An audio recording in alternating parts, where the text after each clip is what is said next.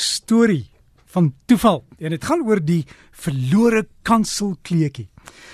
En die storie het ek gekry van Anelia Botha. Baie dankie daarvoor sy is in Hermanus en sê nadat hierdie kanselkleetjie honderde myle saam met 'n soldaat rondgeswerf het en selfs veldslae deurleef het, meer as 70 jaar lank in Kanada en Amerika onder 'n bergkis bewaar is, het die kleetjie sy pad terug na 'n Vrystaatse kerk gemaak.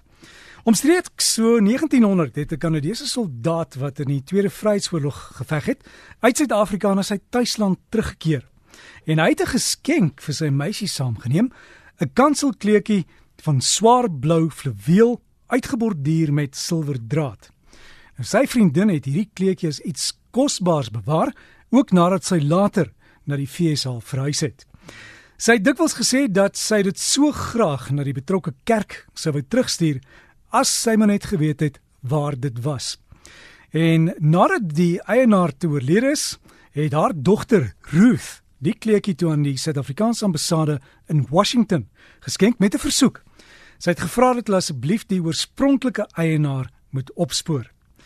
En hierdie kleedjie is toe Suid-Afrika toe gestuur en met die aankoms hier in Suid-Afrika in 1972 is 'n grootskaalse soektog op tou gesit.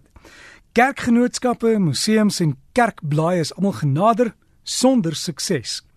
Daar is ook 'n huldigingsboodskap onder die vraaiing van hierdie kleedjie en dit het gesê ter nagedagtenis aan Johannes Hendrikus Viljoen met 'n datum 1896. Argivaris van die Nederduitse Gereformeerde Kerk het toe 'n leidraad gevind in hierdie paar woorde en hy het vasgestel dat Viljoen 'n ouderling van die NG gemeente Bultfontein was en dat hy pas voor die opening van die nuwe kerk oorlede is.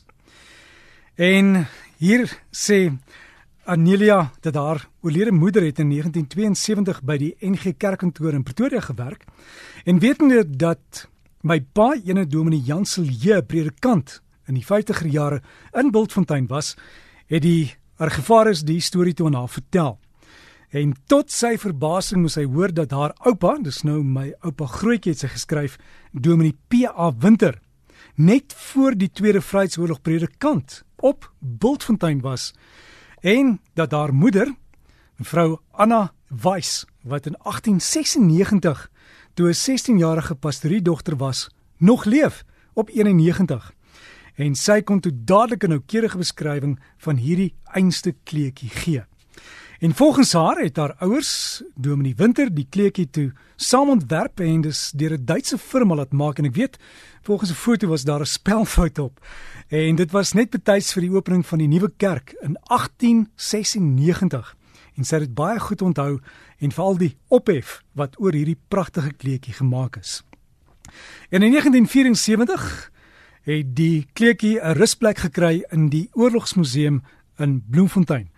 En dis nog steeds daar as jy ooit daar verbygaan, gaan vra maar oor hierdie kleetjie.